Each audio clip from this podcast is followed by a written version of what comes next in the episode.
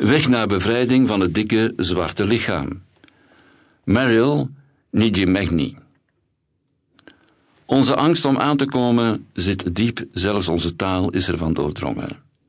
De woorden waarmee we onze lichamen beschrijven en dus ook waarnemen zijn geworteld in seksistische en racistische structuren van onderdrukking en onderwerping.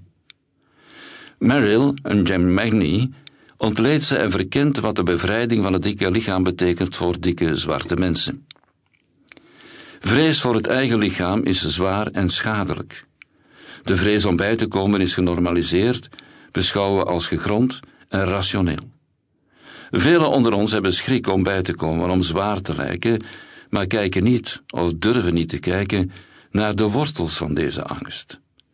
Vetfobie, vetfobia, is specifieker anti-vetheid, anti-fatness, beïnvloedt onze wereld op verschillende manieren.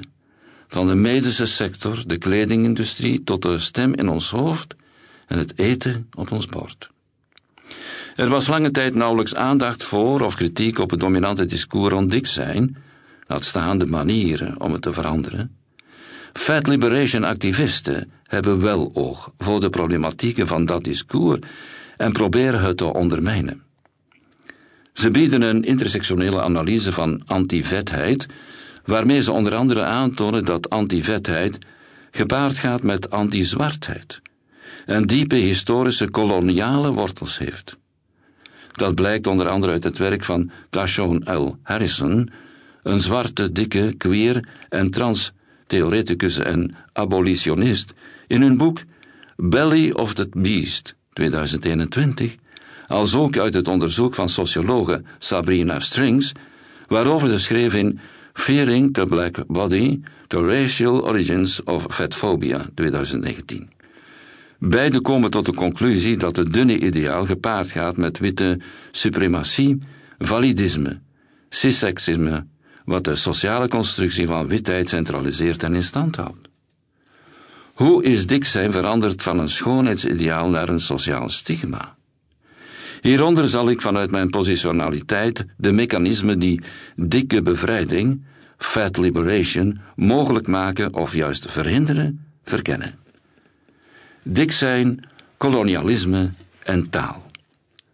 Dik en zwart zijn concepten die nauw verbonden zijn met de geschiedenis van kolonisatie. Zo worden zwarte, dikke personen geassocieerd met luiheid en lust. Die zwarte stereotypen waren van tel in een wetenschappelijk biomedisch discours, geworteld in eeuwen van kolonisatie en de transatlantische slavernij. De groei van de slavernij leidde immers tot nieuwe juridische categorieën op basis van ras, die 18e-eeuwse verlichtingsdenkers gebruikten om de slavernij te legitimeren, door Afrikaanse tot slaafgemaakte mensen te herleiden tot hun zogenaamde bijna dierlijke lusten. Ze houden van seks en ze houden van voeding. Dat is, al dus Sabrina Strings, wat wetenschappers opvoeden als verklaring voor het dikke zwarte lijf.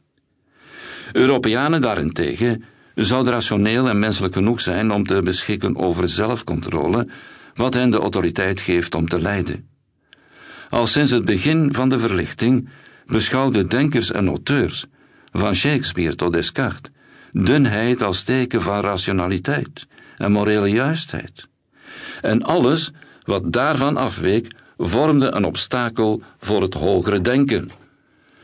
Teksten van laat 17e-eeuwse wetenschappers, zoals Georges Cuvier en Gigi Villay, onderbouwen en versterken dat narratief door een rechtstreekse verbinding te leggen tussen enerzijds de zogezegde gulzigheid, dwaasheid en het driftige temperament, en anderzijds het klimaat waarin de Afrikaanse tot slaafgemaakte mensen leefden. Dat bevorderde het proces van rationale outering. Ook onze verhouding tot voeding ontsnapte niet aan die redenering, waarin striktheid en onthouding tekenen van discipline en dus rationaliteit zijn. Hoe we over die eigenschappen spreken en schrijven is niet onschuldig, maar juist de reflectie van een ideologie die het koloniale beeld van dikke zwarte lichamen verder uitbouwt en versterkt. De zogenaamd logische argumentatie dat dun zijn en wit zijn samengaan, rechtvaardigt uitbuiting. Als je begrijpt dat vetfobie en antivetheid in relatie staan tot de slavernij, dan besef je dat de huidige obsessie met dunheid wortels heeft in een anti-zwartheid. De waarde van woorden. Woorden zijn waargeladen en elke woordkeuze heeft gevolgen. Hoewel woorden zoals overgewicht en zwaarlijvig equivalenten zijn, hebben ze een eigen connotatie. Zwaarlijvig zijn heeft een meer positieve ondertoon dan overgewicht hebben en komt vriendelijker over. Het woord overgewicht op zich is ook een interessant voorbeeld van hoe we een maatschappelijk geaccepteerde gewichtsnorm aannemen, zonder dit uitvoerig te bespreken. Want boven welk gewicht heeft men juist overgewicht? En wie heeft dat bepaald? Daarom is het terugeisen van woorden zo belangrijk voor verschillende sociale bewegingen, zoals de LGBTQIA-beweging. Termen die een reflectie zijn van een lange geschiedenis van verwerping en vernedering van de gemarginaliseerde mensen, worden teruggeëist in het teken van verzet, zelfacceptatie en eendracht. In fat activism en fat liberation zien we dat met het woord vet of dik zelf. Ondanks de negatieve connotatie van het woord gebruiken en erkennen dikke activisten het als een neutrale en beschrijvende term. Ze doen dat om het bestaan van dikke lichamen te erkennen, hen evenwaardig te behandelen en de inherente negatieve stereotyperingen de mond te snoeren. Het woord dik vermijden zou niet enkel een onderhuidse afkeer van dik zijn impliceren, of moeite met zelfacceptatie, maar gaat ervan uit dat dik zijn inherent problematisch is en dat dikke lichamen en dus dikke levens nog in op- of afbouw zijn. Sarah Barnen en Lizzo. We zien de link tussen racisme en vetfobie duidelijk wanneer we kijken naar hoe witte mensen in het koloniale Engeland Sarah Baartmans lichaam gebruikten voor hun vermaak en officieel financieel gewin. Baartman, ook gekend als de Hottentot Venus, was een Zuid-Afrikaanse Khoikhoi-vrouw die een bijzonder tragisch leven heeft geleid. Europese wetenschappers schreven haar lichaam, gekenmerkt door een ophoping van vet bij de billen en dijen, een soort aandoening toe. Een casus van steatopigie. De afbeeldingen van Baartman droegen bij aan de wetenschappelijke verantwoording van de hyperseksualisering van zwarte vrouwen en het idee dat zwarte mensen biologisch fundamenteel anders waren dan de Europeanen die hen observeerden. Eenmaal in Londen werd Sarah het culturele toonbeeld van de Afrikaanse zwarte vrouw. Voluptueus, exotisch en abnormaal. Op 16-jarige leeftijd maakte ze voor het eerst deel uit van een tentoonstelling in de Egyptian Hall in Piccadilly in Londen. Waarna ze nog tien jaar lang gegijzeld zou worden voor de tentoonstellingen die aan de enorm populaire Human Zoos voorafgingen. Sarah zong en danste doorheen heel Europa. Wetenschappers beelden haar af als een gek en vernederden haar omwille van haar fysieke kenmerken, die ze afschilderden als obscene en overdreven. Onderdelen van haar lichaam waren na haar overlijden op 26-jarige leeftijd te bezichtigen in verschillende Franse musea. In 1976 werden de lichaamsdelen na protest weggehaald. Baartmans lichamelijke resten kwamen pas in 2002 na een lange procedure terug naar Zuid-Afrika, waar ze meer dan 200 jaar na haar geboorte een waardige gedenkplaats kreeg. Het verhaal van Sarah Bartman is verbonden met perceptie, afbeelding en beschrijving van dikke zwarte vrouwen vandaag. De publieke vermarkting van Baartman resoneert met de huidige commercialisatie van zwarte vrouwen, in onder andere de popcultuur. Daar heeft Lizzo, een jonge en populaire R&B-zangeres, die zich niet schaamt voor haar dikke lichaam, zich al vaker over uitgesproken.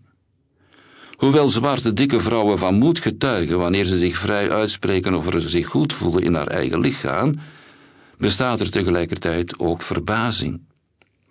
Dikke individuen die aangeven zich goed te voelen in hun lichaam, en specifieker nog dikke zwarte vrouwen, zien we al snel als activist. Niet elke zwarte dikke persoon is echter een vet-activist of expert.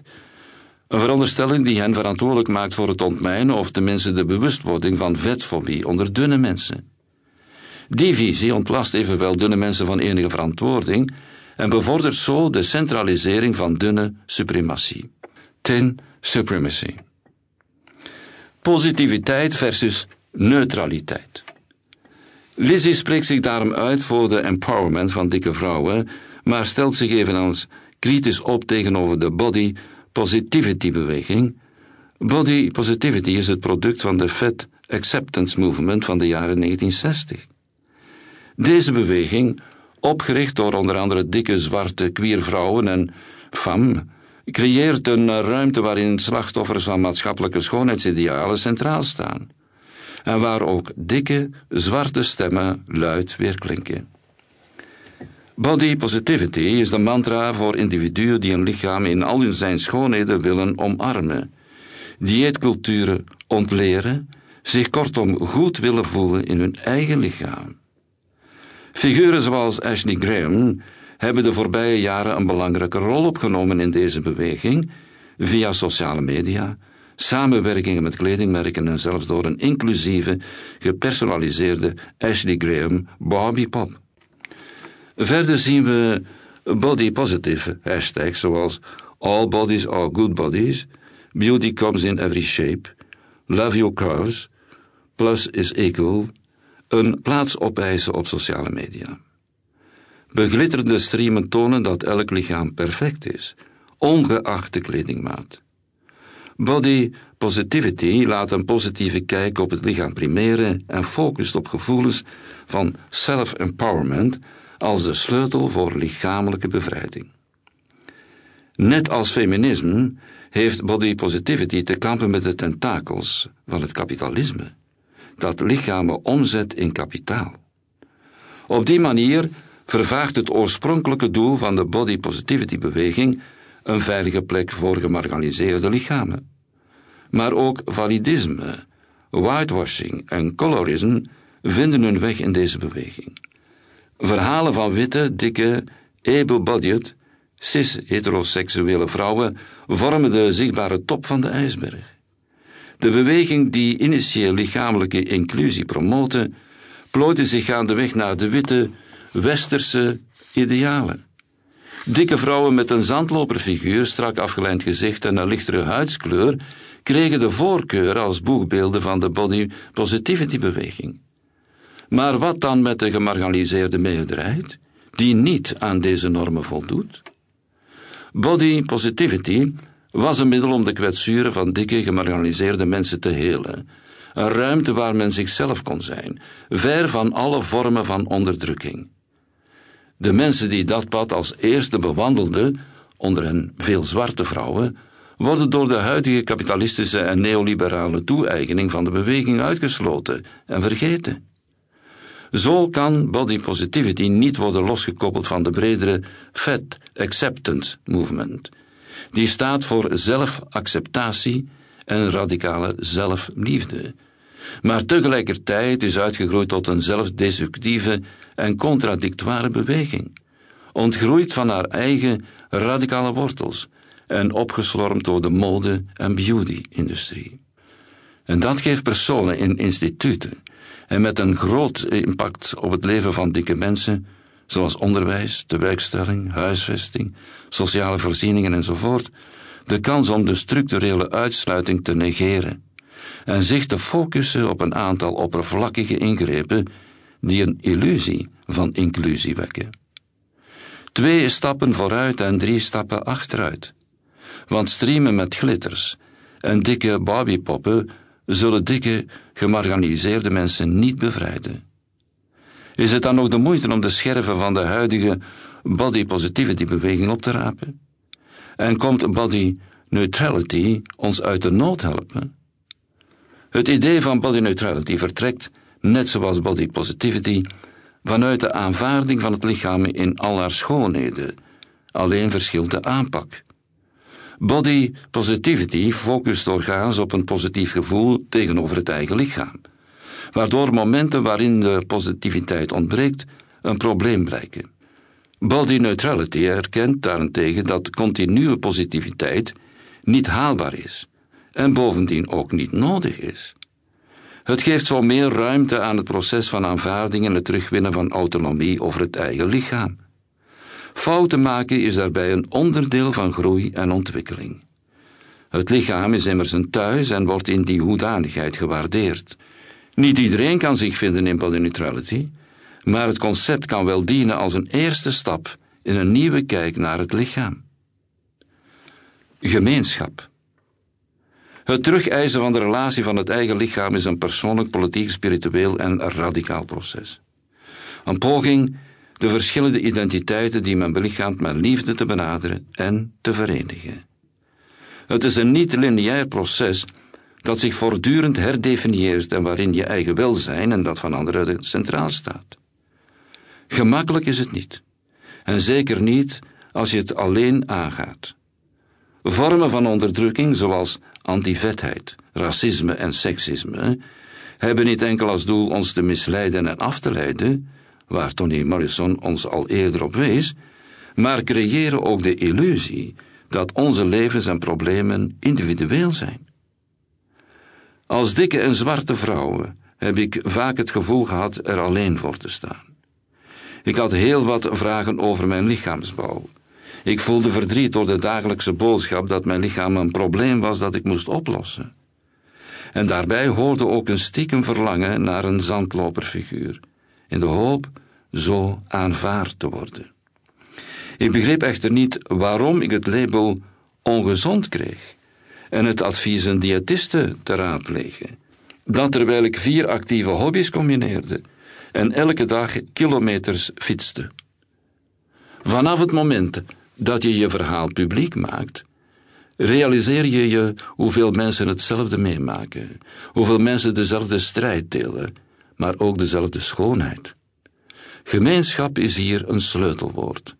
Gemeenschap is namelijk in eender welke strijd tegen onderdrukking van onschatbare waarde.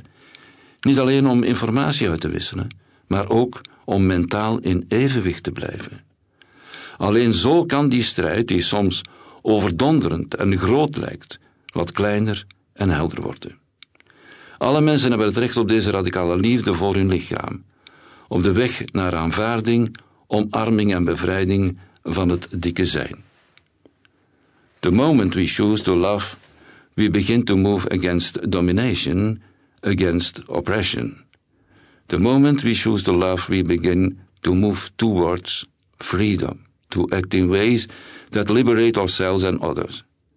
That action is the testimony of love as the practice of freedom.